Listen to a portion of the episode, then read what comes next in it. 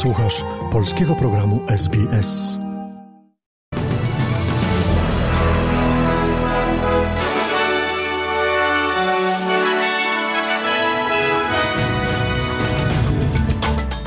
Dzień dobry, przy mikrofonie Dariusz Buchowiecki. Oto skrót najważniejszych doniesień w sobotę 9 lipca. Premier Anthony Albanese złożył hołd zmarłemu premierowi Japonii Shinzo Abe. Elon Musk, multimiliarder i szef m.in. koncernu Tesla, wycofuje się z zakupu Twittera. Prezes Narodowego Banku Polskiego twierdzi, że po wakacjach inflacja zacznie spadać.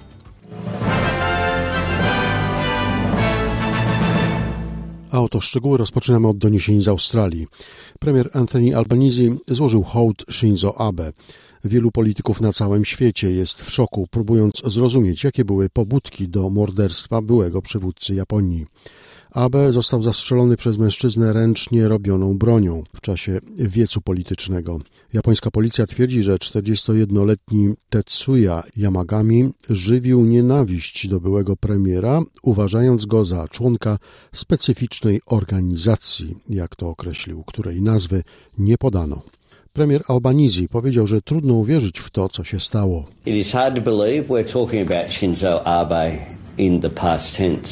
Trudno uwierzyć, że mówimy o Shinzo Abe w czasie przeszłym. Miałem trochę czasu na przyjęcie tej informacji, ale myślę, że wiele osób na całym świecie wciąż jest w szoku po tej wiadomości. Myślę, że można uczciwie powiedzieć, że wszyscy są w szoku, ale najwięcej nasi przyjaciele w Japonii. Policja oskarżyła mężczyznę o strzelanie do dziewięcioletniej dziewczynki przed jej domem w Connells Point na południu Sydney. Dziecko zostało zabrane do szpitala z obrażeniami, które nie zagrażają życiu. Tymczasem stanowy oddział walki z przestępczością zorganizowaną zorganizował obławę domniemanego bandyty. Po udanej akcji policja oskarżyła 34-letniego mężczyznę o postrzelenie z zamiarem zabójstwa. Został aresztowany w pobliskim Oatley, gdzie policja znalazła również spalony samochód. Przechodzimy do doniesień ze świata. Elon Musk, multimiliarder i szef m.in. koncernu Tesla, wycofuje się z zakupu Twittera, najpopularniejszej na świecie platformy mikroblogowej.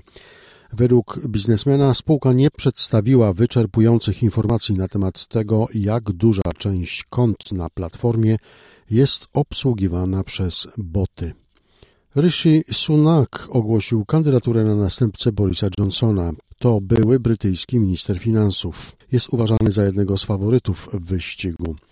W gronie potencjalnych kandydatów jest około 10 osób, choć większość nie ogłosiła jeszcze oficjalnie swojego udziału to ma to zrobić szef parlamentarnej komisji do spraw zagranicznych Tom Taggart, a także minister obrony Ben Wallace oraz szefowa dyplomacji Liz Truss.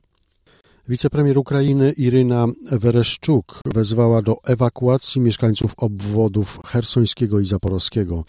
Na antenie ukraińskiej telewizji zaznaczyła, że Rosjanie robią wszystko, by jak najwięcej obywateli Ukrainy pozostało na okupowanych terenach na południu kraju. Tymczasem moskiewski niezależny deputowany Aleksiej Gorinow został skazany na 7 lat pobytu w kolonii karnej za użycie słowa wojna. Międzynarodowa Organizacja Obrońców Praw Człowieka Amnesty International wezwała Kreml do natychmiastowego uwolnienia polityka. Jeszcze jedna wiadomość z Polski. Prezes Narodowego Banku Polskiego Adam Glapiński powiedział, że jeśli inflacja będzie rosła, to Rada Polityki Pieniężnej będzie podnosić stopy procentowe.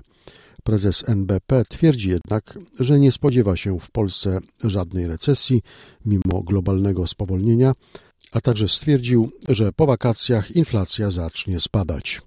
Po wakacjach zobaczymy, jaka będzie sytuacja. Jeśli będzie potrzeba, nadal będziemy podwyższać stopy. Ale z raportu wyłania się taki obraz, że być może szczyt inflacji, najprawdopodobniej zresztą, jest właśnie w czasie wakacji, w lecie. I z tego szczytu inflacji powoli zaczniemy schodzić w dół.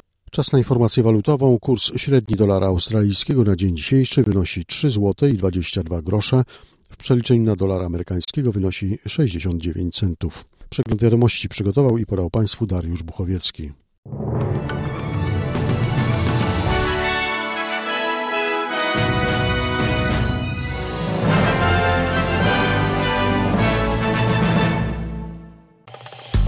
Polub nas na Facebooku, udostępnij innym, skomentuj, bądź z nami na polskim Facebooku SBS.